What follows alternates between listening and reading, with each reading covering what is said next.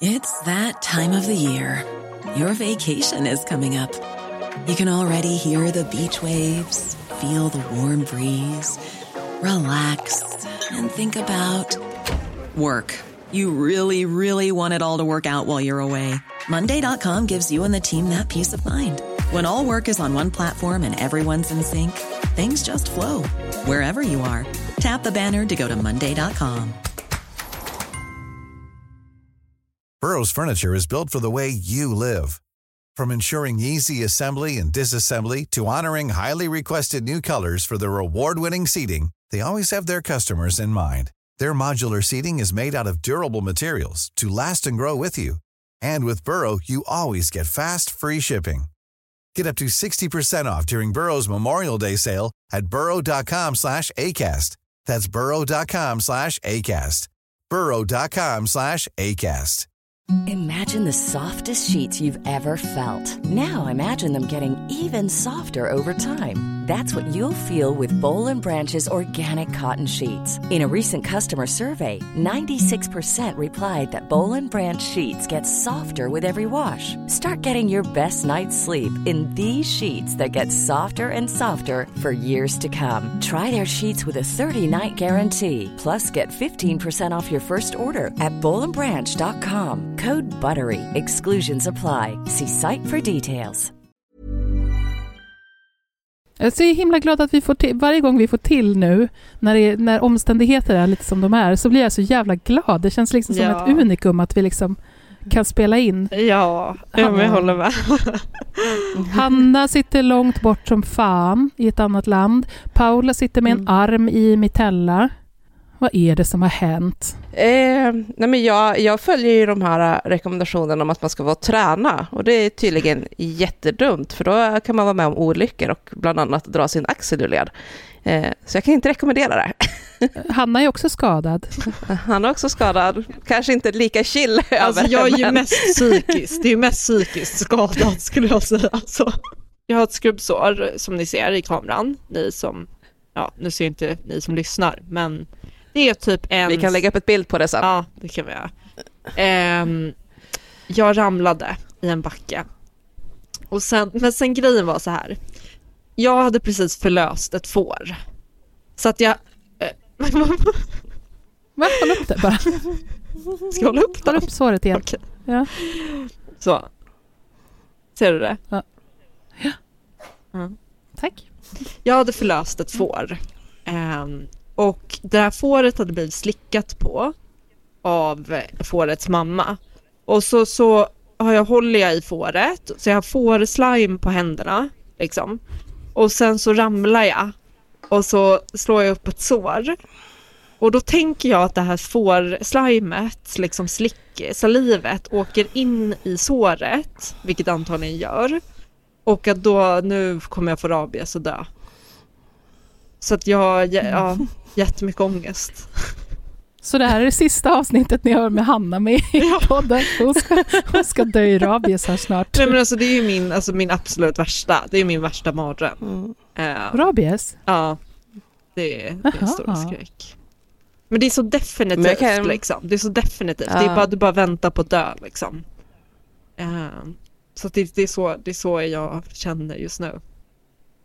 Men Hanna, du är hypokondriker. Eh, ja, det får man nog ändå kategorisera Nej, mig men som. jag, ba, jag bara tänkte att, Ja. så, så att vi eh, lägger det där. Jag, Ja. jag, är ju- jag är jätte, absolut så långt ifrån hypokondriker man Mm. kan komma. Och jag vet att jag har väldigt, eftersom att det är så svårt att förstå för mig, Mm, eh, så kan jag bli så här bara, men åh, sluta, mm. skärp dig. Men det, det måste ju vara superjobbigt. Jag tyckte det var skönt att du skrev i vår, i vår chatt, Hanna, du har inte rabies. Sekunden efter, jag bara, var jag för hård nu? nej, nej, men det är bra. Jag vill ha bekräftelse på det. Jaha, men hörni Nini, Ja, ja, ja. Nu kör vi. Nu ska vi podda. Vi, ska, vi Mm. har ju ett eh, specialar, specialaravsnitt idag. Eh, som vi tänker att vi ska testa på lite grann. Vi har ett eh, avsnitt som vi kallar för ett kuriosavsnitt. Mm. Och då Mm. tänker ni, och nej, vadå, blir det inget fall? Blir det inga... Jo då, det, det kommer bli grejer ändå. Men vi kommer alla tre ha varsitt ämne som vi kommer prata om. Och tanken är väl att det ska vara... Alltså kuriosa kring krim och true crime så att man ska få lite kunskap om, om någonting kan man väl säga. Mm. Då har vi inspelningen igång. Så ja, åklagaren kan väl börja ställa frågor. Det här är Nyans, feministisk true crime med Kajan, Hanna och Paula.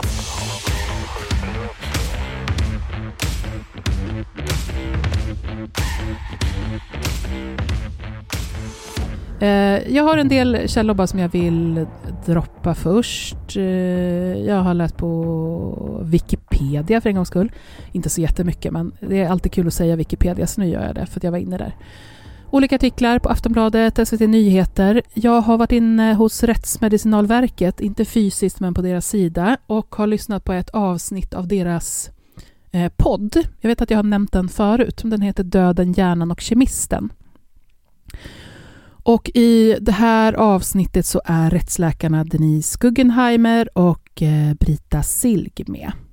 Men mer om dem sen. Sen har jag också sett eh, tidigare, så inte bara inför det här, men jag har sett eh, dokumentären Into the Deep på Netflix.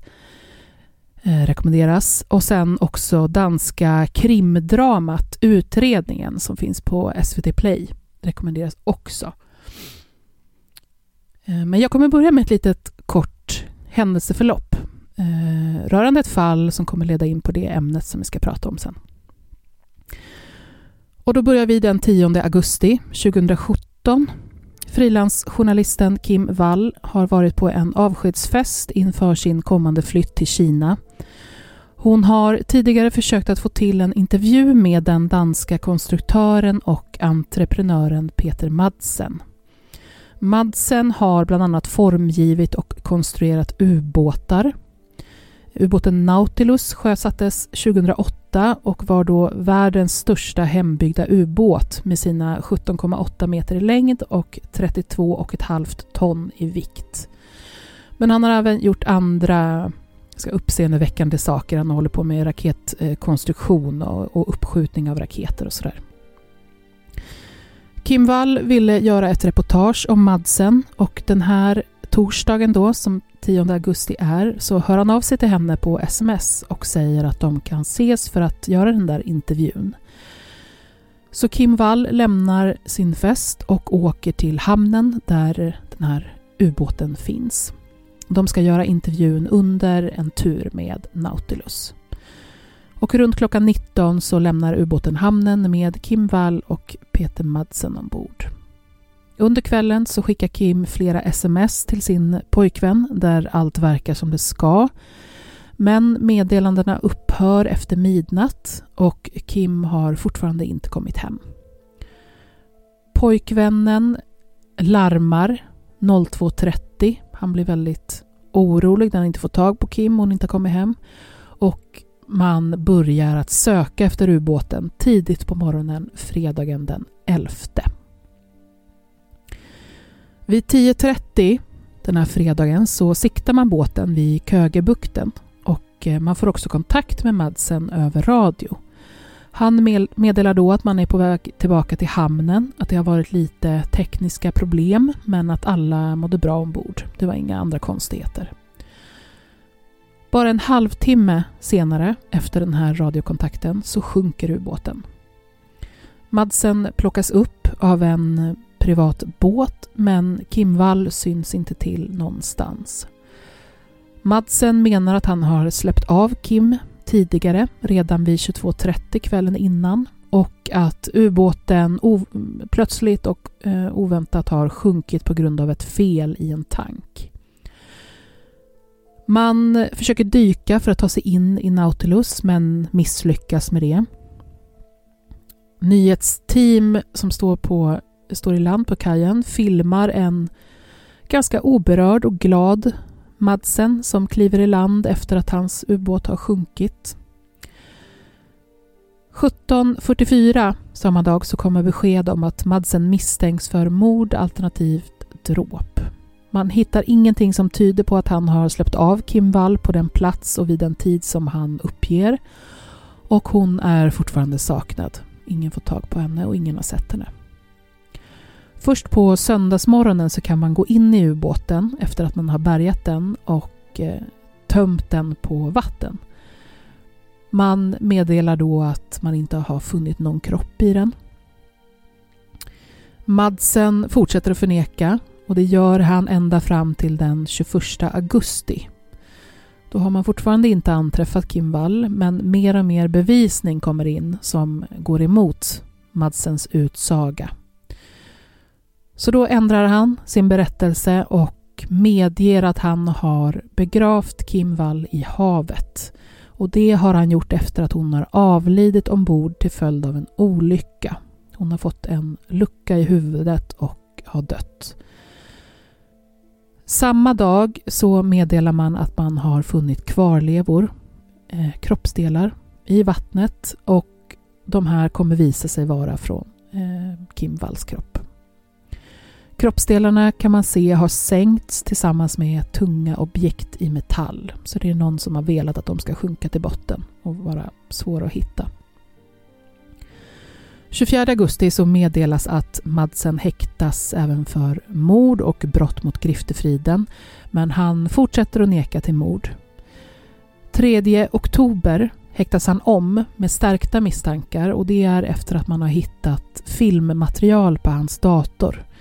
Det här materialet innehåller eh, tortyr och eh, kvinnomord. Man hittar heller inga frakturer på Kimballs huvud som skulle styrka att hon dött på det här sättet som Madsen har uppgett.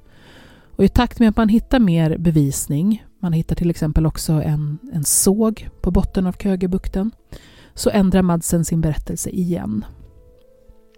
Nu menar han att Kim Wall har dött av koldioxidförgiftning och att han styckade och dumpade kroppen i vattnet i panik. Brottsrubriceringen utökas snart till att även innefatta sexbrott. Och det är efter som man har funnit sticksår på kroppen på de nedre regionerna som pekar på det. Eh, man kan väl säga om det bara att det är sticksår som inte motiveras av, av styckningen utan som är liksom vid sidan av det. Under rättegången så framkommer också att Peter Madsen har skickat sms till Kim Walls pojkvän från hennes telefon och det har han gjort efter att hon har dött. Där hade han skrivit “Jag är på äventyr med Nautilus, seglar i månljus” och eh, smset innehöll också en kram till parets katter. Så inte precis någonting en, en man med panik förväntas göra. 25 april så döms Peter Madsen till livstidsfängelse för mordet på Kim Wall. Den här domen överklagas och eh, 26 september så fastställer hovrätten tingsrättens dom. Nu över till ämnet då.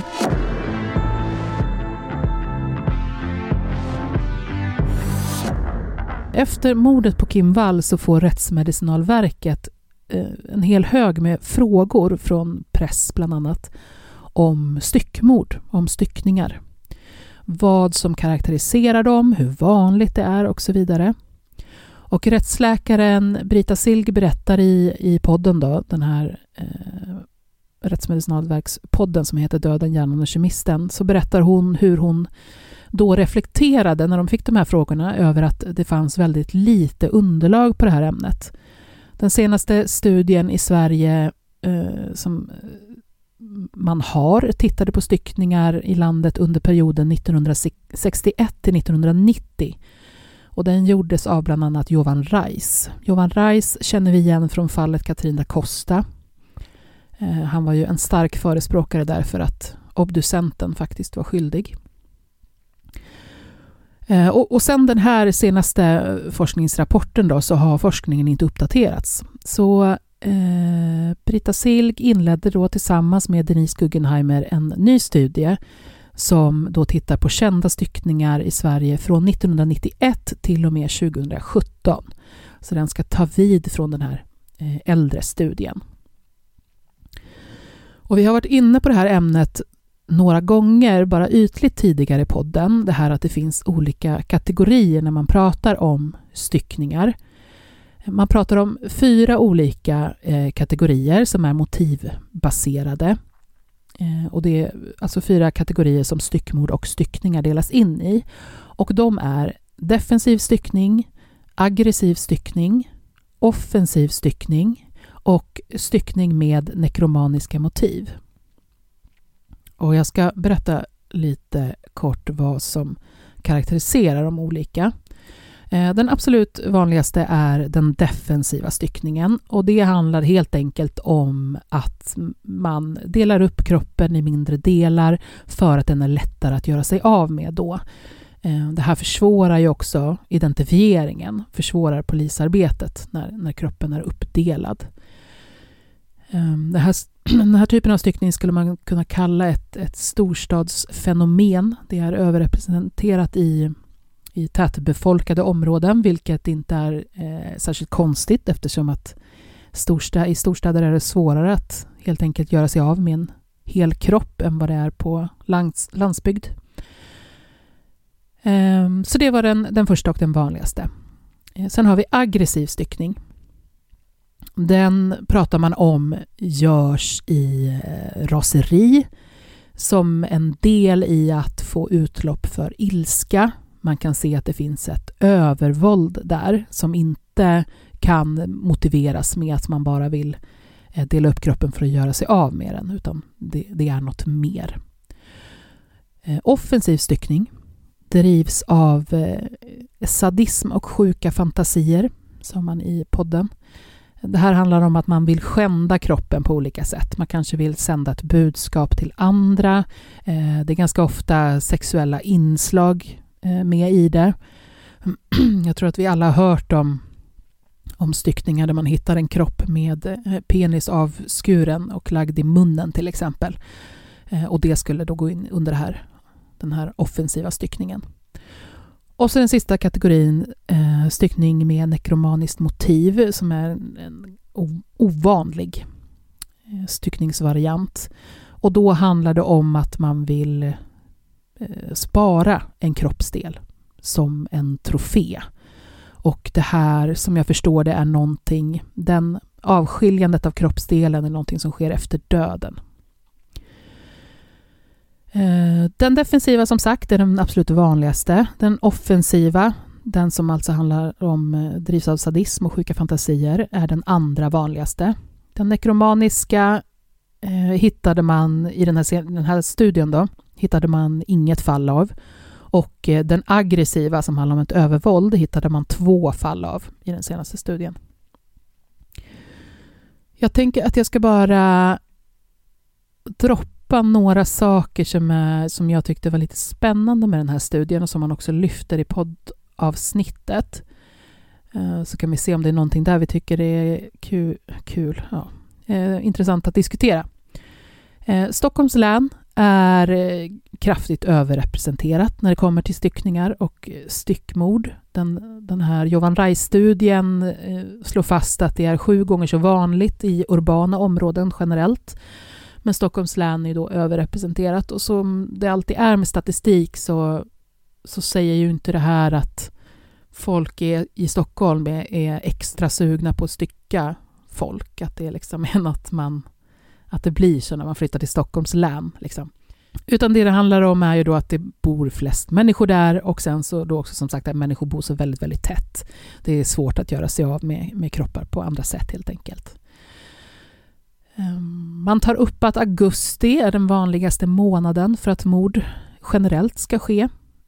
Man vet faktiskt inte varför. Jovan Reis-studien hade någon ganska konstig, eh, man gjorde någon konstig koppling till kräftskivor som, som av, avfärdades ganska duktigt i den här, av de här andra rättsläkarna då, eh, som tyckte att man inte, det var nog ganska, man kan inte se något samband. Eh, men det är ganska spännande och de säger också att eh, när augusti är den vanligaste månaden så är september den absolut ovanligaste, så det är någonting som händer där. Eh, vi vet att det är absolut flest män som styckmördar och som mördar generellt. Och precis som när det gäller alla personer som blir mördade så är det ju också vanligast att det är män som är offer. Det här tänker jag är en sån sak som vi säger ganska ofta men som alla kanske ändå inte har koll på. Eh, men det skiljer sig lite när det kommer till styckningar. Då är det vanligare att kvinnor är offren än i andra mordfall. Alltså det vill säga, det är fortfarande flest män som är offer även vid styckningar. Men det är fler kvinnliga offer i den här kategorin än i hela eh, kategorin mördade personer. Eh, en annan sån eh, kanske förutfattad mening man har om personer som, som styckar andra eller styckmördar är att eh, det måste vara väldigt många som lider av en allvarlig psykisk störning som gör det här. Eh, men faktum är att det är eh, långt ifrån de flesta som döms för styckning som man bedömer har en allvarlig psykisk störning. Eh, det här tänker jag på Katarina Hovner också som vi pratade med och hur man karaktäriserar allvarlig psykisk störning. Och här när det gäller styckning så handlar det ju om att det krävs ganska mycket för att kunna genomföra en styckning helt enkelt. Det krävs en medvetenhet, det krävs eh, planering, det krävs att man kan ta rationella beslut. Eh, det, och det är ganska mycket logistik också liksom, kring att eh, dumpa kropp och sådär. Så att, eh, det är nog inte så vanligt som man tror att det är att, att styckmördare har en allvarlig psykisk störning. Eh, de säger också i podden att eh, styckmördare har något högre IQ som grupp än den stora gruppen mördare. Inte som att de är supersmarta, de, det ligger fortfarande... Jag tror att det ligger lite lägre, eller som genomsnittet, men, eh, men ändå lite högre än gruppen mördare. Man tar upp i, eh, i podden då så går de ju inte in på, på fall så som vi gör. De har ju en helt annan positionering förhålla sig till i de här fallen. Men eh, de tar upp Dextermordet eh, som ju vi har gjort. Och eh, pratar, de nämner inga namn eller så naturligtvis, utan de säger att en mördare har inspirerats av en tv-serie. Och sen så säger de också att det är eh, Dexter. Och så pratar de om eh, den här kopplingen till att eh, även om det inte är vanligt att man liksom ser en serie och blir inspirerad och gör likadant, så, så kan det finnas en koppling med att eh, fler människor, till exempel genom serier, vet om att, att styckning är ett alternativ. Eh, att det är ett sätt att göra sig av med en kropp på. Och det kanske är mer så än, än tidigare. Ofta så är det så att när det kommer till den här formen av mord så har det är ovanligt att eh, du stöter på en, en, främling i skogen som kommer att styckmörda dig. Så allra ofta så har gärningspersonen och offret varit bekanta eh, sedan tidigare. Och ofta rör det sig då också om en, en partner eller en ex-partner. Eh, men även när det inte gör det så är, så är det vanligt att man har någon slags bekantskap sedan tidigare. Men eh, superspännande tyckte jag att dels att det finns, såväl, och det är inte bara i Sverige utan även internationellt, så finns det väldigt dåligt med underlag på den här typen av brott. Um, och som gör då att efter liksom man börjar få de här frågorna efter Kim Fall, som, eh, Kim Wall, så gör man liksom kopplingen att så här dåligt, vi kan inte ha så här lite underlag. Alltså till exempel så säger de det att i podden att de får frågan om ja, men vilket land kan man säga har störst problem med det här, vilket land är, är vanligast och hur, hur ligger Sverige till i det när det kommer till styckningar? Men det vet man helt enkelt inte, för det finns inte eh, så mycket underlag så att man kan säga någonting om det. Men vad säger ni, har ni något, när vi, vi har pratat om några styckningar i podden, har ni några sådana där, antingen något som jag tagit upp nu eller bara generellt, någon liksom uppfattning om vilka det är som styckmördar eller någon så här förutfattad mening som ni kopplar till det, som, som ni tycker att det låter som att uh, den här studien går emot? Nej, alltså jag hade väl, jag hade en bild förut om att, så här, nej, men, att styckning, det är någonting sadister gör. Eh, och jag hade inte riktigt tänkt så mycket på att mm eh, det är van, att, eller så här, jag, jag hörde att det ökade liksom med styckningar, då tänkte jag så ja men det är ju för att folk är sadister, men att jag har förstått nu på senare tid att det handlar mer om att det ökar för att vi bor mer tätt och att, folk styckar för att komma undan med brottet. Ja. Eh, men eh, så det är väl sån här, en sån här förutfattad mening som jag har haft tidigare. Mm. Men det är fortfarande, jag bara, jag bara tänker på så här, eh, men det är fortfarande sån, eh, det är en sån brutal handling. Man brukar prata också om två, två sorters sorters liksom, styckning om man pratar om det rent äh, mekaniska. Och det är ju dels bara liksom vanlig styckning med såg. Alltså helt enkelt Mm. att du sätter sågen någonstans på kroppen och, och sågar av kroppsdelar. Eh, och det pratar man om liksom, kan ju eh, vem som helst göra. Liksom. Eller, inte vem som helst, men ifall, det krävs ja, liksom ja. ingen kunskap eller någonting så. Men sen finns det också ledstyckning.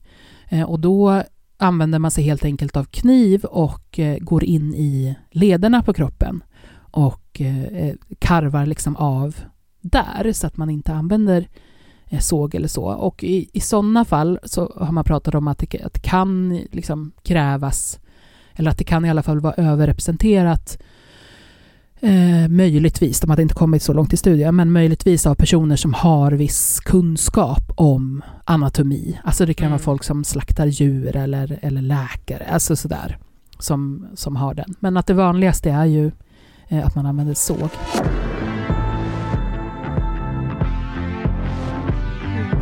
Men något man inte tänker på tycker jag, som jag har tänkt på när vi har tagit upp fall som rör styckning, är ju men alltså man fastnar ofta, vilket är förståeligt, i det här att det måste vara ett sånt, alltså psykiskt ett sånt hinder att ta sig över för att kunna göra en sån makaber sak. Men det man kanske inte tänker på lika ofta är liksom den fysiska aspekten. Alltså det är ju folk som håller på, det är ju utdragna förlopp över många, många, många dagar. Ja.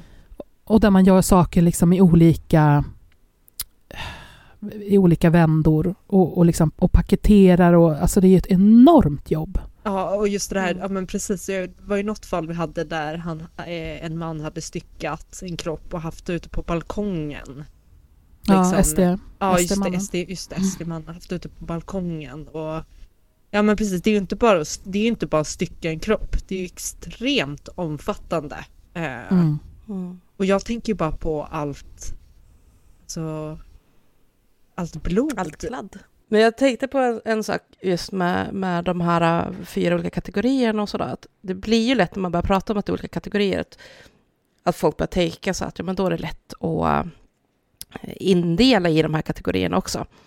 Vilket ju inte alls måste vara. Jag tänker direkt på så här, tre olika styckmord med kvinnliga förövare från tre olika länder. Inget av dem svenskt tyvärr, men ändå. Eh, Det ena från Australien. Det är en kvinna som är känd för att misshandla sina partners. Eh, som i någon form av svartsjuke rage dödar sin eh, fästman och sambo.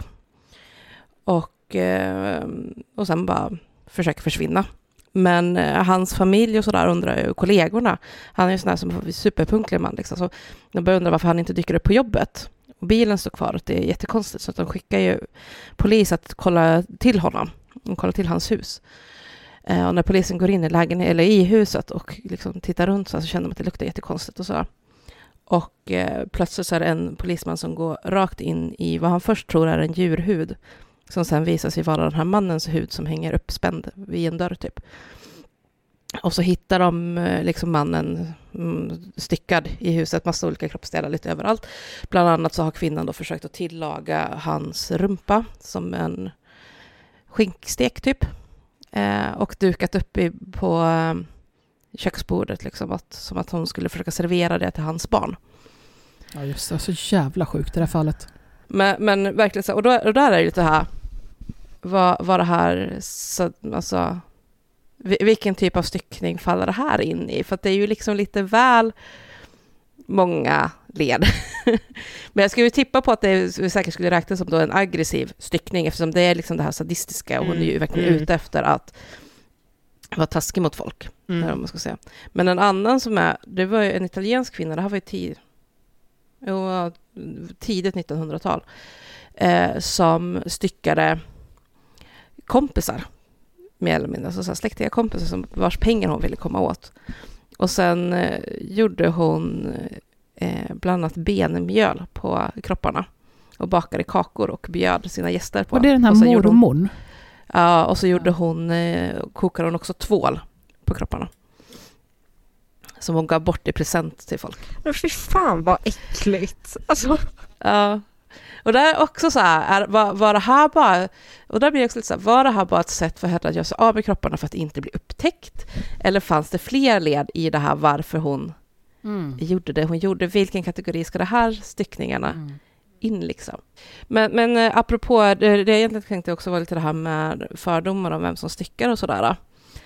Att eh, det fanns ju en, en rysk styckmörderska som också var sådär, som var väldigt nära att komma undan.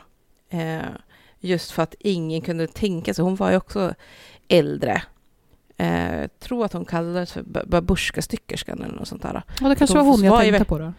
Ja, så, ja men hon eh, i Italien var också mormor. Ja, okay. eh, men det, det i Ryssland var nyare för att man tog henne till sist på övervakningskameror ifrån eh, trappuppgången där man kunde se hur hon gick liksom, i omgångar med någon spann mm. och små konstiga paket och sådär. Och då var det ju att hon liksom styckade ner kroppen i mindre delar och så gick hon med små delar. Och hon fick till och med hjälp att bära ut delar av grannar som tyckte att nej men lilla gumman, alltså tanten ska inte behöva gå och bära så tungt. Eh, och sådär. Och som senare fick veta liksom att det var ju så att hon var, gick ut och gjorde sig av med kroppsdelar. Alltså jag blir så här, jag, jag blir liksom så här, tänk om, tänk om ens granne gör något sånt här om man inte vet. Alltså, Tänk om det är typ jättenära en. Det, gud, det tänker jag på hela tiden. Jag tänker så här, hur många i mitt hus har mördat någon? Hur många i mitt kvarter har mördat? Jag tänker alltid så. ja. Eller om man åker tåg liksom. Hur många i den här vagnen har... Lik i garderoben, bokstavligen. Ja, ja. Nyans, feministisk true crime med Kajan, Hanna och Paula. Nu ska vi prata om åskådareffekten. Och jag, eh, man kan säga att det här kommer till en början från ett fall som vi ska gå igenom nu. Och det handlar om Kitty Genovese. Kitty är en tjej som föddes 1935 i Brooklyn i New York. Som ni hör så låter hennes namn lite italienskt eh, och hon har en italiensk familj i New York, vilket var väldigt vanligt. Kitty gifte sig 1954, men inom ett år så blev äktenskapet annullerat inom kyrkan på grund av att Kitty inte var straight utan hon eh, var lesbisk. Och eh, anledningen till att jag tar upp sån här bakgrund är för att jag kände att jag ville ge mer till Kitty än att hon bara är ett offer, utan att hon var en människa också. Um, och Kitty träffade sin flickvän 1963 som hon flyttade ihop med. Och vid den här tiden så jobbade Kitty som bartender. Hon försökte spara ihop pengar för att de hade en dröm om att öppna en italiensk restaurang. Men tyvärr så kom det aldrig att bli så. För på natten den 13 mars 1964 lämnar Kitty baren som hon jobbar på och när hon har kommit hem Eh, så, eller på vägen hem så blir hon förföljd av en man som heter Winston Mosley utan att hon märker det här. Och när hon då kliver ur sin bil och går mot lägenheten så blir hon attackerad av honom med en jaktkniv. Och han hugger henne i ryggen två gånger. Sen sticker Winston iväg en stund och lämnar Kitty på platsen med de här knivhuggen men han kommer tillbaka, våldtar henne och rånar henne på 49 dollar och eh, hugger henne mer med kniven. Och hela den här attacken skulle ha tagit ungefär 30 minuter. Sen hittar hennes granne och vän henne där, ringer ambulans men Kitty dör i ambulansen. Winston blir Eh, så småningom åtalad för det här och döms till livstidsfängelse för brottet. Det här blev väldigt uppmärksammat på den här tiden för att New York Times gjorde en artikel om det här med rubriken 37 såg mordet men ingen ringde polisen. Det visade sig sen att det inte var 37 utan 38 och man ändrade sedan rubriken till 38 såg mordet men ingen ringde polisen. Och det som artikeln hävdar är att det var massa folk i det här lägenhetshuset som hörde Kittys rop liksom och att hon hörde händelsen, att det hände någonting där, men att ingen då agerade. Och folk blev ju liksom helt bestörta. Hur kan det ha funnits 38 vittnen och ingen ringde polisen? Eh, och man blir extra upprörd för att mordet skedde i två etapper. Att först så blev hon ju knivhuggen, sen så stack han iväg och sen kom han tillbaka. Och det sägs också att Kitty skulle ha skrikit i liksom 30 minuter eh, utan att någon gjorde någonting. Och det här eh, blev liksom startskottet på det som kallas för åskådareffekten. Och forskare börjar forska på det här och vill liksom förstå, är, är det här en grej? Och man kommer fram till att, eller det, liksom det, det de landar i är att det finns en åskådareffekt och att det handlar egentligen om att ju fler, det, ju fler vittnen det är till en händelse, desto mindre är sannolikheten att någon ingriper. Eh, så att det liksom hänger ihop. Eh, och omvänt då att är det bara ett vittne, är man liksom själv och ser någonting hända så är det större chans att man faktiskt agerar. Men det här har ju fått en hel del kritik. Och det är ju inte, det här är ju en, liksom, det går ju inte, eh, eller så här, det man gjorde 2019 så gjordes det en stor brittisk studie där man kollade på övervakningsfilmer från Nederländerna, Sydafrika och Storbritannien. Och då kollade man på liksom, övervakningsfilmer där det framgick olika våldsbrott. Och i den här studien så kunde man inte se att det finns en sån här effekt, att det vill säga att det inte, stämmer inte att ju fler som ser någonting hända ju mindre chans är att någon ingriper. Eh, utan där såg man istället i den här studien så såg man egentligen ett omvänt samband att när det är fler så är det större sannolikhet att någon faktiskt gör någonting. Så att eh, man kan väl säga att det, det är tvek på det här med den här åskådareffekten. Och sen också den här New York Times artikeln har också blivit kritiserad för att det här med att fanns, alltså det är lite oklart om det verkligen fanns 38 vittnen som förstod att eh, Kitty skulle vara i, i nöd och att hon var utsatt. Och man pratar bland annat om att det eh, liksom var massa ljud från gatan och ja men sånt där. Så att det kunde liksom, ja det var inte säkert. Men... För det var väl liksom inte så att det stod 38 nej. pers i en klunga och såg liksom Nej, nej, hela... nej, ingen såg, utan det är att de hörde att de skulle då kunna hört hennes skrik. Det var inte som att det stod, att de liksom stod på gården och såg vad som hände och sen inte gjorde någonting. Utan folk satt, stod och lagade mat och någon, liksom, och det här var ju också, det här var ju också på natten. Eh, så att, det är okej, okay, kanske inte laga mat då, men det var liksom nu vet jag inte exakt vilken tid det var. Det är för mig att det var mitt i natten. Ja, men jag tror det också. vissa låg ju och sov och ja, lite sådär också. Precis. Jo, det här var eh, eh, tre på morgonen. Mm. Så att folk låg, ja, så folk låg och sov och sånt där. Um. Dessutom eh, kom det ju fram sen också att det var visst folk som hade ringt polisen. Mm. Mm. Så att den här artikeln, eh, eh, den här artikeln skapade väldigt mycket uppståndelse på felaktiga grunder kan man säga själva faktan i mm. den var fel och det blev, det blev liksom en en, eh, det satte en boll i rullning som kanske inte borde ha satts i rullning, i alla fall inte på det sättet kan man väl säga. Ja, nej men jag tänkte precis på den studien bland som du nämnde nu Hanna, den här nyaste, liksom, att det var ju, det var ju också väldigt många klipp som de gick igenom, kan man ju säga. Att det, vi pratar liksom inte 50 klipp eller någonting de har tittat på, utan det var, var det runt 3000 eller något sånt där. Det var riktigt, riktigt många.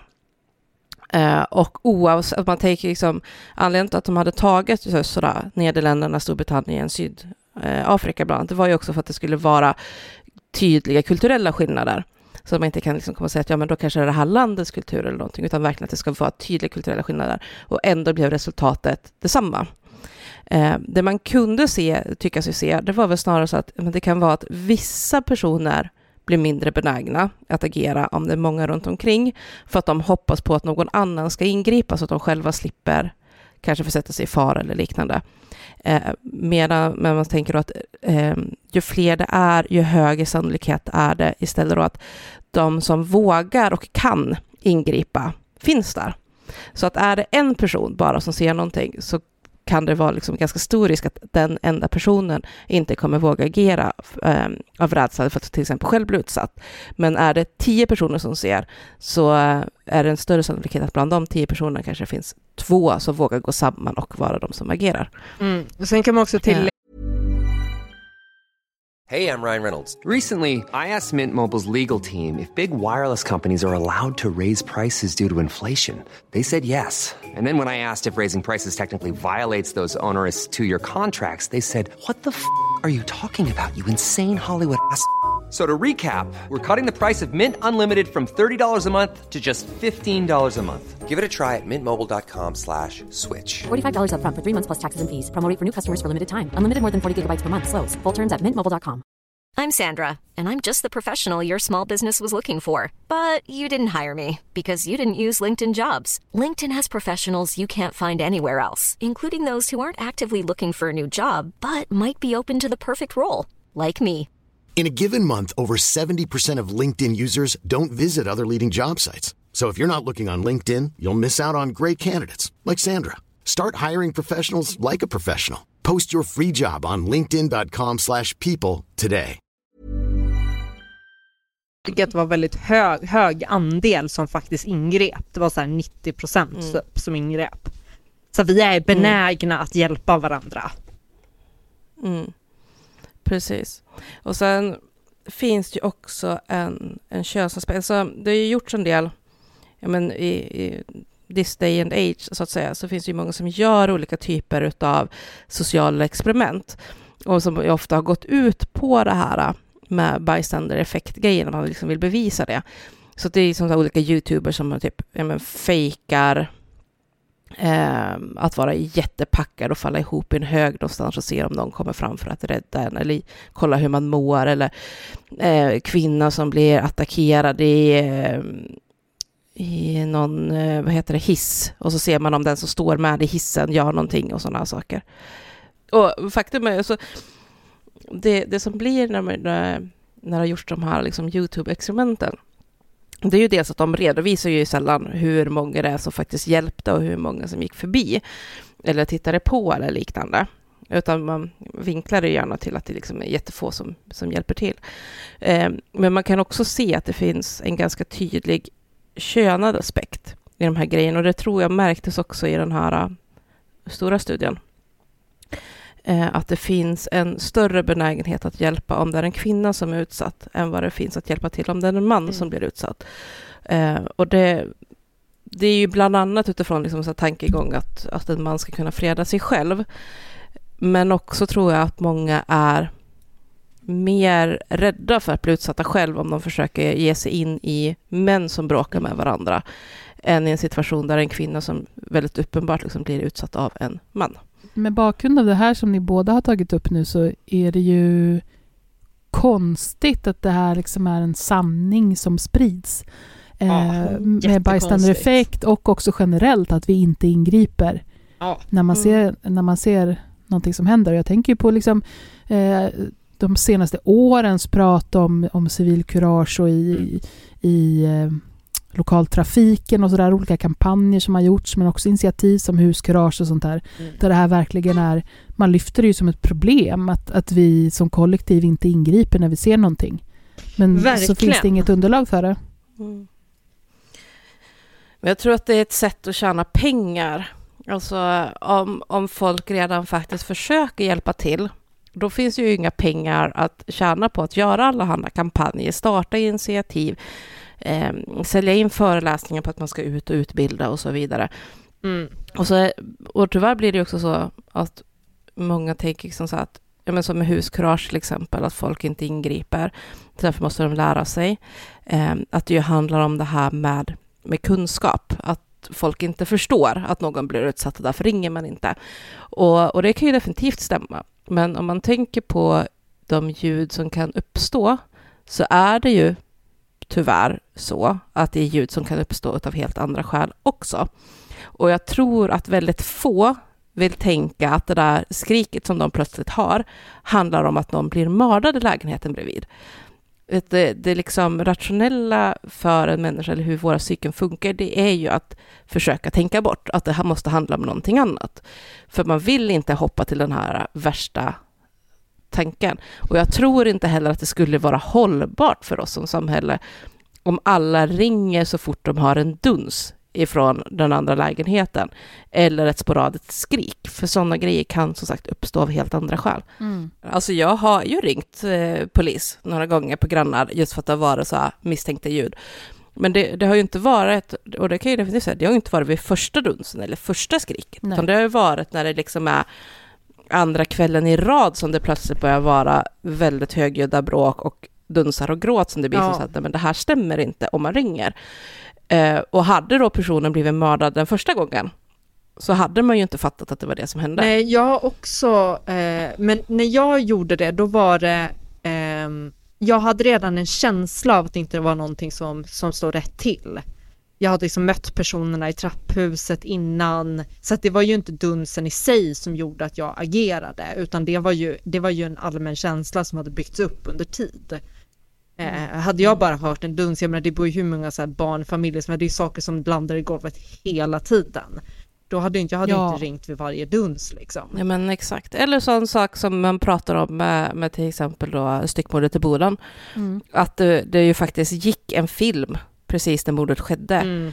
Mm. Där det var folk som skrek. Ja. Eh, bland annat en kvinna som skrek ganska precis där, där man räknar ut att mordet borde ha skett. Mm. Vilket gör att man tänker så att ja, men folk kan ha tagit Vatchareyas skrik för att vara en del av filmen, att någon sitter och tittar på den här filmen.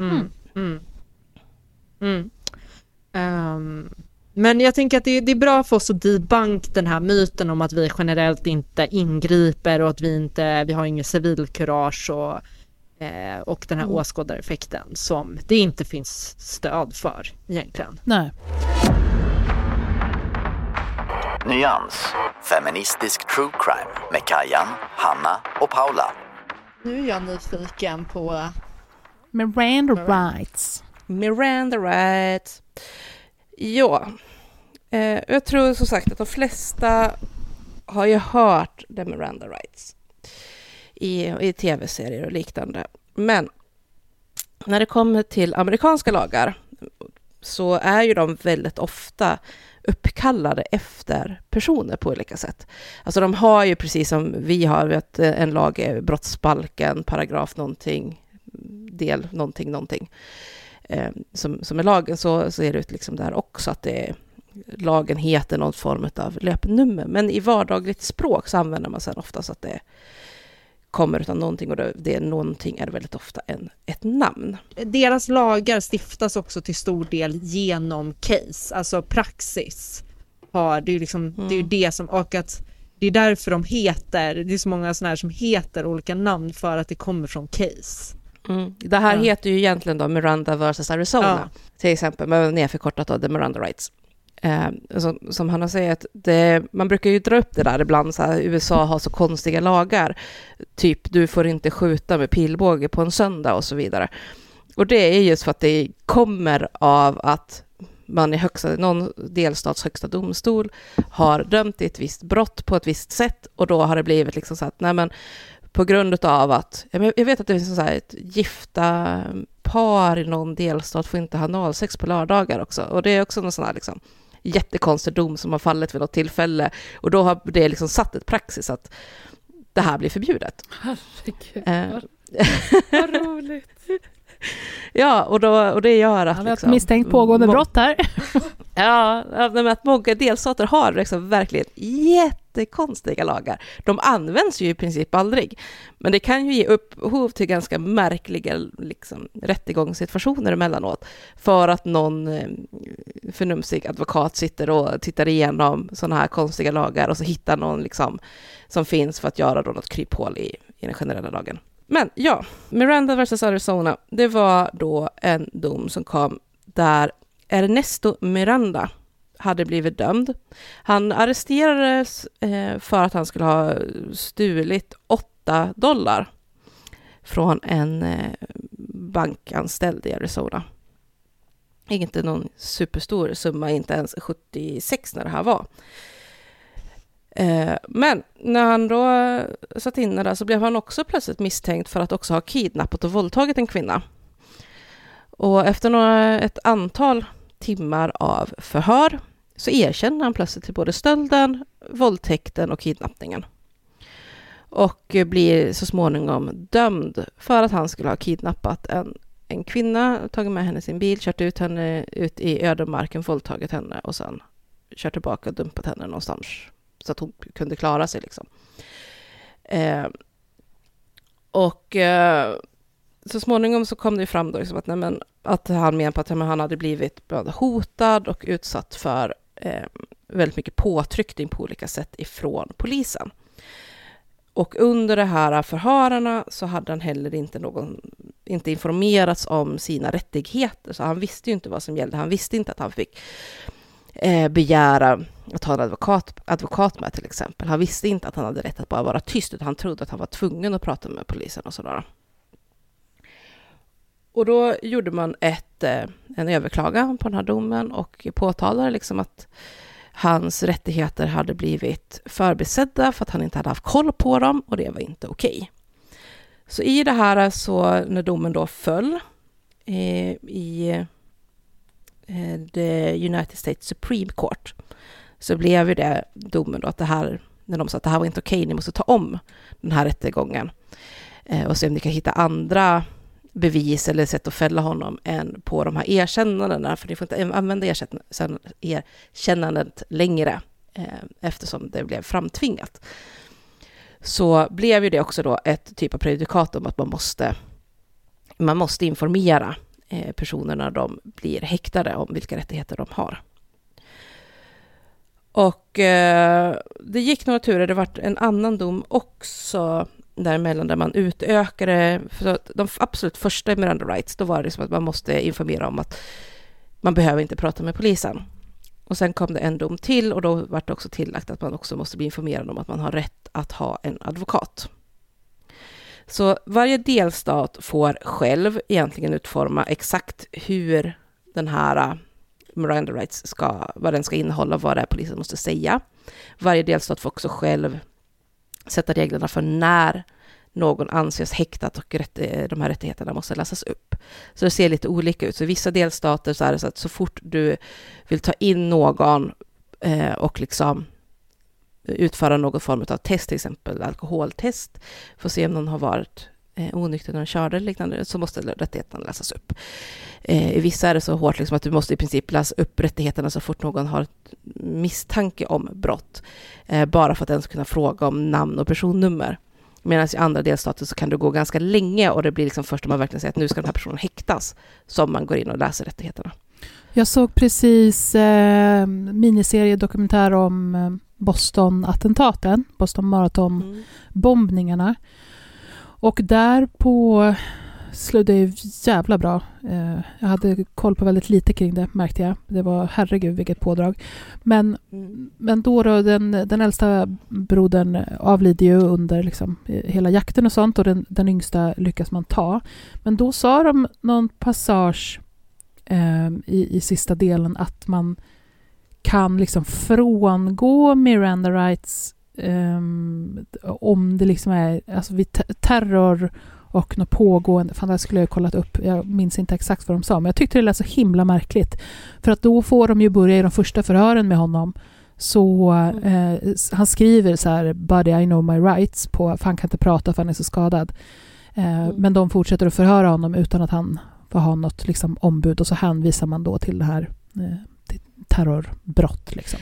No, den standard Miranda-warningen Eh, den är ju då You have the right to remain silent. Anything you say can and will be used against you in a court of law.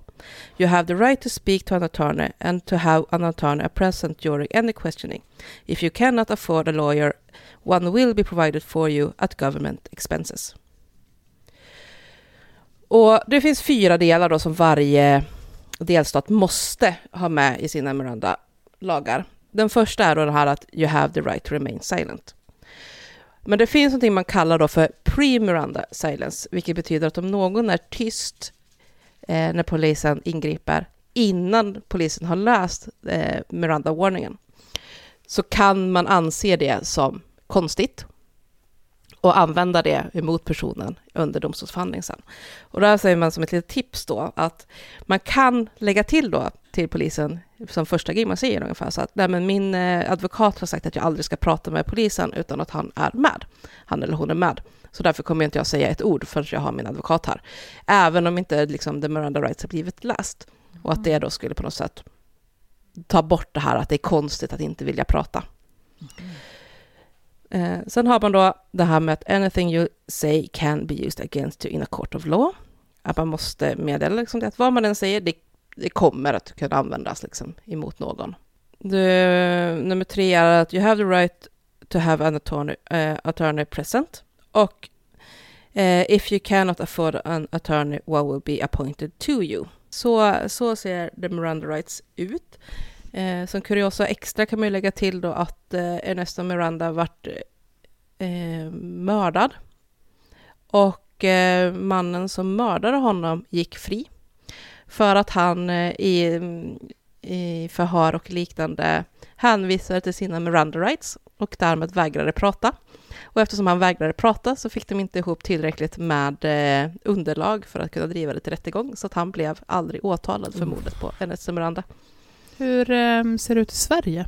Vi har ingen form av Miranda rights på det sättet. Mm. Man måste ju inte, eller man har ju rätt till advokat i Sverige och man har ju rätt att inte säga någonting och så vidare. Men vi har ju ingenting att polisen måste läsa upp det och på samma sätt så i Sverige eftersom det är fri bevisföring så kan ju också eh, sitter du bara tyst och inte kan förklara vissa eller liksom det kan ju användas emot dig. Eh, jag kan ju tycka att det är lite konstigt egentligen i det amerikanska, liksom med det här att om man inte säger någonting alls så får man inte använda det emot personen, för att det kan ju säga jättemycket att en person väljer att vara tyst hela tiden. Ja, alltså om det är typ ett jätteenkelt, så här, en jätteenkel grej för att förklara, så det här borde du kunna förklara, liksom. Om man inte mm. väljer att inte göra det, då är det så här, ja fast varför gör du inte det? Om du jättelätt kan liksom bara, ja, okej. Okay. Det, nu sitter jag och live-googlar, men um, man skriver så här, på Lawline så skriver man att det som i svensk rätt mest liknar eh, Miranda-varningen är förundersökningskungörelsen.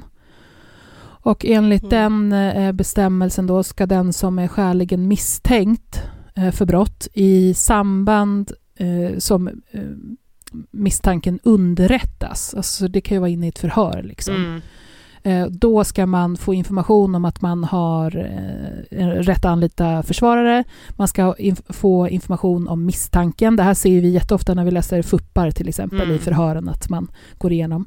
Eh, man ska få ta del av utredningsmaterialet. Man ska få bli informerad om att man inte behöver yttra sig över misstanken. Man ska informeras om att staten betalar kostnaden för en offentlig försvarare. Men att om man döms för brottet ska man bli skyldig att betala tillbaka. Och man ska få den här informationen på ett språk eh, som man som misstänkt förstår. Alltså det är ju typ samma sak, bara det att i USA så kommer det det första som händer. Det kommer ja. liksom när du blir gripen. Precis, här, här i Sverige måste du vara skäligen misstänkt. Ja. Och, och delges misstanke.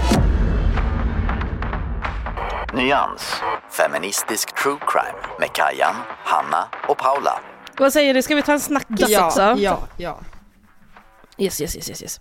Eh, då tänker jag att vi ska ta och prata lite grann om eh, det här med att vräka föräldrar till kriminella barn. Oh.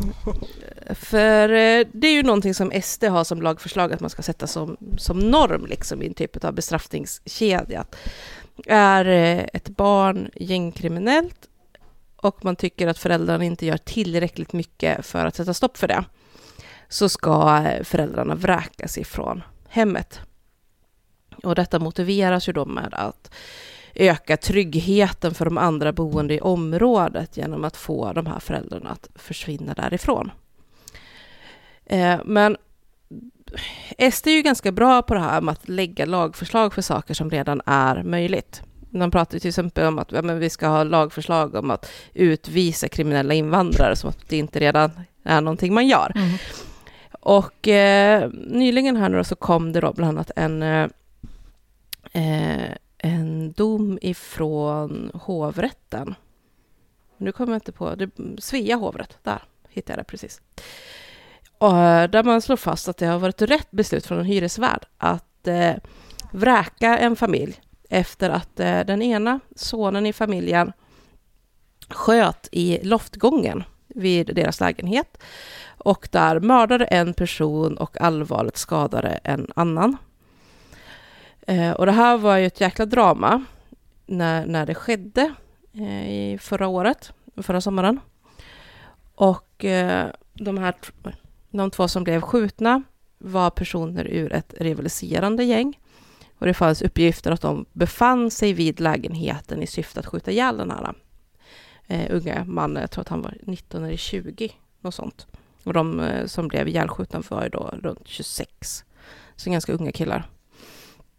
Men, men att då den här eh, unge killen som då vars familj nu har blivit vräkt, han före, eller vad man ska säga, att komma ut och så skjuta på, från loftgången ner på innergården där de här två männen befann sig.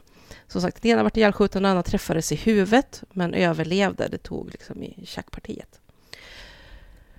Eh, och man menar då på att det skulle ha varit en form av fritidsgård för kriminella, eller för gäng, gängmedlemmar i den här lägenheten och att eh, polisen har gjort tillslag där tidigare, bland annat på grund av att det har funnits droger i lägenheten som man har varit där för att ta.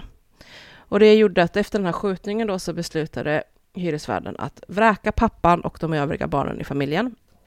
Mamman i familjen ska ha befunnits utomlands i hemlandet, ursprungslandet som familjen kommer ifrån. Eh, och eh, argumentet är att eh, den här sonens kriminella förehavanden har utgjort en mycket allvarlig störning för övriga boenden i området eller i hyreshuset. Och att som eh, ägare, eller det blir inte ägare i det här fallet, men kontraktsinnehavare för den här hyresrätten eh, så har pappan det yttersta ansvaret för hur alla boende i lägenheten beter sig. Och att han inte har kunnat då hålla styr på sin son tillräckligt bra och därför brustit i sitt ansvar och därmed förlorar han kontraktet till lägenheten. Och familjen eh, eh överklagade det här då, första beslutet, men eh, det slutade som sagt med att eh, nu då att hovrätten har föreslagit att det här var en rimlig vräkning. Och jag har svårt att se att det här kommer gå till Högsta domstolen. Eh, men förlåt, det var 2021 som skjutningen skedde. Sonen i fråga som har varit en inblandad i gängkriminaliteten dömdes till fängelse i 13 år. Så att, eh, förräkningen eller ej så kommer han ju vara borta ifrån området under en ganska lång tid. Men eh, Jackie, min man, jobbar ju på Hyresgästföreningen nu och så um, igår när vi satt och käkade mat så såg han ett inlägg på sociala medier som liksom raljerade över hemskheten i att det får gå till så här. Um, och han var så här, ska jag ge mig in i det här eller inte? Jag bara, nej det ska du inte, för han blir bara så upprörd. Men då, då hade vi i alla fall diskussion om det. Eh, så jag får väl eh, föra hans eh, talan här lite nu då. Men, men alltså det här är, om vi pratar om, om vi tar bort bara SD ur Eh, för egentligen så har inte de, det här är någonting som redan existerar, eh, deras förslag det är ju bara, det, det har ingenting med saken att göra egentligen. Så om vi bara diskuterar det faktum att det här sker, eh, det är ju ingenting nytt, Eh, för det, det som, är, som gäller som, som en kontraktsinnehavare i en hyresrätt är att du har ansvar för fastigheten. Det vill säga, skulle jag som står på kontraktet för vår lägenhet, skulle jag släppa in någon i trapphuset eh, som inte har det här att göra och som eh, börjar ha sönder grejer eller, eller vad som helst och liksom inte släpper in i god tro eller så där, utan att jag släpper in den personen, då, då är det ju jag som ryker på det. Därför att i mitt kontrakt så ingår det att jag har ansvar för bland annat andra boendes säkerhet och så. Så att är det i en familj där du är en som är kontraktsgivare och en person i familjen för in kriminalitet in i liksom hyresvärdens domän, så går det emot kontraktskrivningen. Eh, därför att du som kontraktskrivare är eh, ansvarig för den säkerheten, speciellt när det kommer folk med vapen och liksom börjar skjuta bland eh, bland grannar och sånt där. Så att jag är så här, för det första, det är ingenting nytt. För det andra, jag tycker det är fullt rimligt och jag tycker absolut att det ska vara så. Sen tycker jag att det är stor skillnad på om man har alltså vux, ett, ett barn som är minderårigt som är i en kriminell miljö. Eh, att man, man inte kunna bli vräkt på en sån grund. Men i det här fallet så är det ju en helt, det är inte den situationen. Jag tänkte, jag tänkte på det här när eh, vi precis fick tillgång till Tidöavtalet. Och där i princip så här, ja, om du inte gör tillräckligt mycket för att se till att ditt barn inte är i en kriminell miljö eller du är en dålig förälder så blir du liksom vräkt. Eh, och så ska det ju inte vara. Men, men det här är ju inte en sån situation. Men jag tänkte komma och säga i alla fall att jag håller inte med. eh, om vi formulerar så här då. Om de här nu då förlorar kontraktet, eller ja, nu har de ju förlorat kontraktet och de blir vräkta, var tänker ni att de tar vägen någonstans? Mm, fast, fast det är inte hyresvärdens uppgift. Alltså det är inte, det är inte på hyresvärdens Nej, ansvar. det är inte hyresgästens uppgift, men nu tänker jag som större samhälle, vart tar de vägen? Nej, Ja, men det- som, sam, som samhälle, och då- men då är det en helt annan fråga. Och där handlar det ju om saker som att till exempel vi måste ha bättre skyddsnät med socialen och sådana saker som ingriper sånt där tidigare. Men i just den här frågan där det är en tvist mellan hyresgäst och hyresvärd så tycker jag inte riktigt att det har med saken att göra. För det är inte hyresvärdens uppgift att se till att boende har, har andra ställen att vara på så att det är så tryggt som möjligt för dem. Utan där ska det upprätthållas ett kontrakt som de två har skrivit sinsemellan. Liksom. Men jag tänker att det som Jo, blir det... fortfarande har vi problemet där, vart tar de vägen? Ja men det blir ju att socialtjänsten, om man inte kan hitta ett nytt kontrakt och ett nytt boende så får ju Och social... var sätter socialtjänsten dem? Ja men det blir ju en annan lägenhet. Med annan eh, Mm. hyresvärd. Mm. Och kommer de fortfarande, kommer det automatiskt ha gjort att de inte är gängkriminella? Fast det är Nej, ju men- inte syftet med att de blir vräkta, att de ska sluta vara gängkriminella. Det är liksom inte, jag tänker att det är två helt olika frågor. Hur vi som samhälle agerar för att förhindra att sånt här sker och hur en enskild hyresvärd, privat hyresvärd eh, agerar gentemot en hyresgäst som inte sköter sitt kontrakt. Men sen är det är inte heller de frågor. som, jag tänker att det blir också lite, det är inte de som är, de är ju inte gängkriminella utan det, det var ju det som var inne lite på att så här, ja man kan ju se det som att det problemet är borta nu som att han sitter i fängelse och inte kommer, kommer utsätta det men att, men att det är fortfarande det faktum som Kajan säger att kontraktet redan är brutet. Mm. Men det är det jag har lite, alltså jag förstår ju tänket. Nu är jag i och för sig jävligt anti på det stora hela att vi har så mycket privata hyresvärdar. Men säg att det här inte, nu var det vad jag vet en privat hyresvärd, men säg att det hade varit en kommunal hyresvärd. Ehm, så blir det ju fortfarande så här, då blir det ju samma, samma problem. Så att eh, den här eh, kommunala hyresvärden säger att nej men eh, nu kan jag inte bo här på grund av det här, så nu vräker vi er. Ingen privat hyresvärd kommer ju vilja ta emot dem, för att risken är ju fortfarande... Alltså förr eller senare kommer ju för det första sonen att komma ut igen och det finns ingenting som garanterar att han inte startar upp gängkriminellt igen. Eh, för det andra så vet man ju ingenting om hur det ser ut med småsyskon och liknande. Är någon av dem redan ingroomade också i gängkriminaliteten kommer i så fall det bara följa med dem när de flyttar någonstans. Alltså sannolikhet, det, det kommer bli väldigt, väldigt svårt för dem att få en ny bostad. Eh, och vilka blir det då som kommer att täcka upp på ett eller annat sätt för att liksom få stärka lojalitetsbanden? Jo, men det blir gängen. Absolut. Och, nej, Mm. och, det, Mm. och det är jättelätt att säga så att nej, men det har inte privata hyresvärdar något som helst ansvar för. Och jag har lite svårt för hela den tankegången, för någonstans blir det så här, ja men vi är ju ett samhälle tillsammans, även om privata hyresvärdarna ingår i ett gemensamt samhälle. Och de kommer inte kunna stå utanför vad gängen hittar på bara genom att vräka bort folk hela tiden. För förr eller senare så kommer ju det här påverka ändå. Jo, absolut. Men det, det kan man ju säga om, om precis allting. Om jag Eh, om, om det är en hemlös person här utanför min port som liksom beter sig illa och jag ringer polisen. Det förstår ju jag att det inte kommer göra att den här hemlösa personen kommer vara mindre hemlös eller ha mindre problem. Utan det flyttar ju bort problemet från mig. Eh, så så är det ju med precis alla saker. Men jag tycker likväl att, att vi har två helt olika frågor. Alltså att det, att det sociala nätverket och skyddsnätet brister eh, i förhållande till den här problematiken, det, det vet vi och det, tror jag, det är vi ju rörande överens om. Men i, i just den här frågan så, så handlar det ju inte om det, utan det handlar ju om hyresvärdens rätt att ta bort problemet från eh, sitt företag eller sitt område. Och den rätten måste man ju ha eh, så, som en hyresvärd. Annars skulle inte någon hyresvärd kunna vara hyresvärd. Eh, Alltså sen, så känner- sen kan vi ju lyfta liksom problematiken kring, kring samhällsstrukturen och, och med vårt, vårt problem att det inte är ett håll, alltså det kan inte vara en enskild liksom insats. Men jag menar bara att hyresvärden gör ju inte det här för att man tror att det här kommer få bort gängkriminalitet i Sverige. Eller att det kommer bli bättre. Man flyttar ju bort problemet fr- från sig. Jag... Mm, det är eh, just det jag har problemet med, att man flyttar bara bort problemet till någon annan. Men förr, alltså det, det kommer ju bara innebära att just det här bostadsområdet kanske slipper gängkriminaliteten, men något annat bostadsområde får det ju istället. Ja, självklart. Och det är ju det vi ser liksom med, med hela segregationen så här, och det kommer ju bara bli värre och värre ju mer man trycker på att nej men det är klart att eh, hyresvärdarna har rätten att, att säga nej eller flytta på problemet till någon annan. Att den där någon annan, det kommer ju bli underklassen. Att det blir de som får bli de som till sist får ta det här. Där det är de absolut mest nedgångna. Liksom. Det är bara att se hur det ser ut i andra länder. Var är det alltså, gängen håller till mest? Jo, men det är ju de absolut mest nedgångna liksom, gettorna. Det är ju där de får vara. För att det är dit man till sist har knuffat problemet. Att det är där, eller hemlöshet, det är det som finns. Men det betyder ju inte att problemet egentligen på det stora hela har flyttats ifrån de rikare områdena.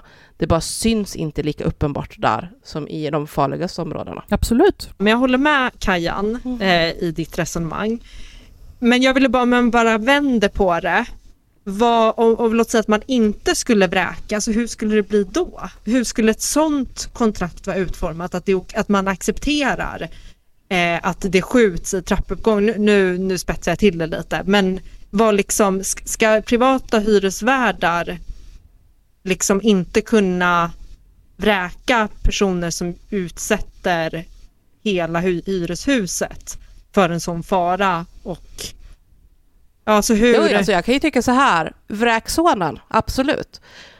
Men nu är det inte det det blir, utan nu i och med att man sätter i kontraktet liksom den här förlängda eh, ansvaret, att pappan är inte den som har skjutit. Det är inte pappan som har försatt eh, eh, liksom de runt omkring för fara och så vidare. Jag tänker att det är skillnad till exempel också med det här att någon spelar hög musik liksom, och, och så blir man vräkt för att eh, man själv stör sina grannar. Eh, och det, men man också måste ha med i hela den här grejen är ju liksom att, ja men som i det här fallet, det handlar om att den här grabben var liksom involverad i ett av de absolut våldsammaste gängen vi har i Sverige. Med väldigt stort våldskapital. Så det är också den här frågan, hur rädd var pappan? Hur mycket makt hade han egentligen att stoppa det här nu när det redan hade urartat? Eh, hade det liksom det enda han egentligen kanske hade kunnat göra varit att ta eh, de andra barnen och bara rymma därifrån och sen invänta att hyresvärden går in och vräker. Det, det är ju det också som blir en faktor i det här, Men- att tyvärr de här gängen har en extrem makt. Så hur, Men hur, långt kan det sträcka sig till ansvaret för hur- någon annan då? hur, hade, hur hade det inte varit precis samma sak att vräka bara honom? Att flytta problemet till någon annanstans? Alltså gängkriminaliteten. Då är vi ju... Det är ju precis samma problem igen då. För om det som sagt inte är familjen som är problemet så, så flyttar man ju inte problemet då utan då flytt, man flyttar ju det med den kriminella. Så jag tänker att det blir precis samma sak. Men sen tänker jag återigen att, att en, en hyresvärd som, som går runt på att, att tjäna pengar på eh, på sina eh, hem, liksom, lägenheter. Det är liksom inte en, det är inte en, en myndighet med socialt ansvar att utföra sådana utredningar kring vad pappan räddade. Alltså det, det skulle bli helt ohållbart. Sen, tycker jag, sen, Mm, sen hela men- resonemanget med så här att ja, vi flyttar problemen och hur ser det ut och det hamnar i, liksom, i, i gettorna, det handlar i Eh. Jag är ju fullständigt med dig på det. Jag håller ju helt med om allting. Men jag tycker inte att det, att det är ett problem som löses av att hyresvärdar inte ska ha rätt att vräka personer som bryter mot sitt kontrakt. Nej, och jag kan ju känna så här, fine att privata hyresvärdar då vräker folk, men då ska det ju också finnas en allmännytta som kan täcka upp, Ja. där de sociala faktiskt kan gå in och, och liksom göra det som behövs för att försöka få folk ut ur gängkriminaliteten. 100%. Men så som samhället ser ut nu och utvecklar sig nu så är ju utvecklingen den motsatta, att det blir färre och färre allmännyttslägenheter och bostadsområden eller ens hus. Liksom. Man säljer ut allting. Vilket gör att det snart mer eller mindre, alltså finns ju hela områden där det bara finns privata bostäder. Vilket gör att då, då bygger vi in i systemet att eh, vi har en massa hyresvärdar som har rätt att bräka folk för att upprätthålla den typ av befolkning de vill ha i sina bostadslängor för att kunna tjäna maximalt med pengar. Och tyvärr så ser vi redan resultatet av det också på det sättet att man säger nej till invandrare. Mm. Med argumentet att det är större sannolikhet att de kommer att vara gängkriminella. Man vill inte få dit den typen av folk till områdena för att man vill kunna tjäna sina pengar. Så jag har ju ganska stort problem överlag med att någonting så viktigt som bostäder är en privat marknad på det sättet som det är idag. Gud, det är egentligen en annan fråga. Ja, och, det har, och det håller jag ju med dig helt om. Men jag, där, jag tycker väl att det, där kan man mötas liksom i att eh, jag är helt med på att, eh, att samhället måste ha eh, andra funktioner i att möta upp det faktum som, som eh, det är. Och, att, men, och då tycker jag också att det är där vi ska lägga eh, kritiken, på att det inte finns. På att samhället som har den uppgiften inte möter upp det på ett, alltså i närheten av tillräckligt effektivt sätt. Hannas internet håller på att dö. Det håller jag också med om. Jag, jag, jag hör liksom fragment här och var eh, just nu. Oh. Men jag håller med. Eh, jag håller med liksom om hela resonemanget att samhället måste eh, kunna möta upp det här. Mm. Bara så att ni vet. För det är ju, så risken är ju annars bara att, att det gör det gängen ännu mer. Alltså det är ju, jag tänker på där du befinner dig, eh, Hanna. Så jag menar ett av skälen där till att eh, nu måste jag säga rätt här, Hamas. Visst är det det? Mm, mm. Ja, i Palestina. Eh, har, har haft sånt enormt stöd bland palestinier. Det är ju för att de har täckt upp. Att de mm. har kommit med mat, de har hållit i skolor, de har erbjudit bostäder och så vidare. Och så jobbar gängen i många andra länder också. Mm. Eh, bland annat i USA till exempel, att man, man köper upp eh, fallfärdiga lägenheter och liknande. Och så erbjuder man för att eh, en sunkig jävla lägenhet är ändå bättre än ingenting alls. Mm. Eh, och så får man bo där gratis eller till jävligt billig hyra i utbyte mot att man agerar kurir eller säljer droger eller men liksom en del av det här kriminella nätverket. Och för det skapar lojalitet. Och jag tror att risken med att säga bara liksom nästan med en liten axelryckning att det är klart att eh, hyresvärdar har rätt att vräka folk utan att i andra änden liksom erbjuda någon annan typ av uppbackning, det är ju att gängen kommer att agera skyddsnätet när folk blir vräkta för att de har haft barn som har blivit ingroomade i gängkriminalitet och de har inte kunnat få barnen ut ur det. Ja, ja, jag måste bara, ja, ja nej, men jag håller helt med. Men jag ville bara förtydliga att det är inte, jag tror inte att det varken det eller jag eller Kajan säger just det här att man bara med en axelryckning ska kunna vräka folk utan det här är såna extrema, extrema omständigheter. Mm. Att, då, då, att inte det är hyresvärdens, privata hyresvärdars uppgift men att i så fall måste ju samhället kunna täcka upp. Ja. Mm. Men, men jag tänker i och med att jag också tog upp diskussionen utifrån det faktum att SD ändå har som lagförslag att man ska sätta det här som norm. Att eh, då måste vi få med oss i diskussionen helheten, eller hela paketet, att vi kan inte sätta som norm att så fort ett barn har blivit indraget i gängkriminalitet så ska man kunna vräka hela familjen utan att just titta på andra änden och säga, ja men vilka ska då agera skyddsnät? Nej men alltså när det rör... För att de här har vräkta. Ja, ja, nej men 100 procent och just när det rör barn också så kan man, det är mycket känsligare att vräka en barnfamilj än vad det är att vräka vuxna. Och så är det ju redan idag det är svårare ja, men... att vräka barn än vad det är att vräka vuxna. Ja, men det är därför det här fallet blir ja. intressant, för att det är ju en barnfamilj som blir vräkt.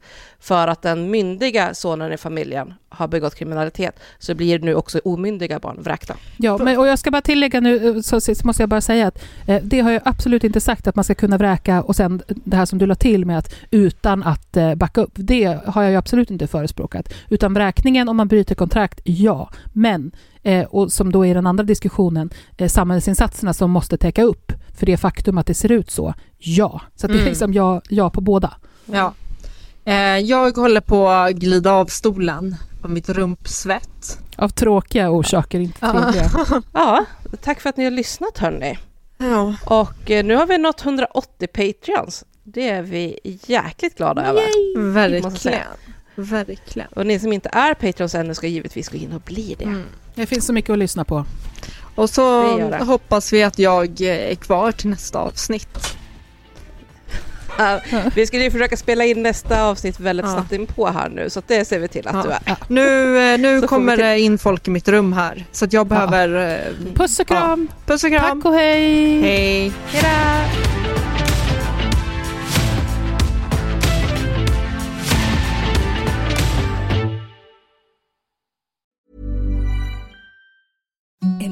The softest sheets you've ever felt. Now imagine them getting even softer over time. That's what you'll feel with Bowl and Branch's organic cotton sheets. In a recent customer survey, 96% replied that Bowl and Branch sheets get softer with every wash. Start getting your best night's sleep in these sheets that get softer and softer for years to come. Try their sheets with a 30-night guarantee. Plus, get 15% off your first order at bowlandbranch.com. Code BUTTERY. Exclusions apply. See site for details. Hi, I'm Daniel, founder of Pretty Litter. Did you know cats tend to hide symptoms of sickness and pain? I learned this the hard way after losing my cat, Gingy. So I created Pretty Litter, a health monitoring litter that helps detect early signs of illness by changing colors, saving you money and potentially your cat's life. Pretty Litter is veterinarian developed, and it's the easiest way to keep tabs on your fur baby's health right at home. Go to prettylitter.com and use code ACAST for 20% off your first order and a free cat toy. Terms and conditions apply. See site for details. Planning for your next trip? Elevate your travel style with Quince. Quince has all the jet setting essentials you'll want for your next getaway, like European linen, premium luggage options, buttery soft Italian leather bags, and so much more. And is all priced at 50 to 80% less than similar brands. Plus, Quince only works with factories that use safe and ethical manufacturing practices. Pack your bags with high-quality essentials you'll be wearing for vacations to come with Quince. Go to quince.com slash pack for free shipping and 365-day returns.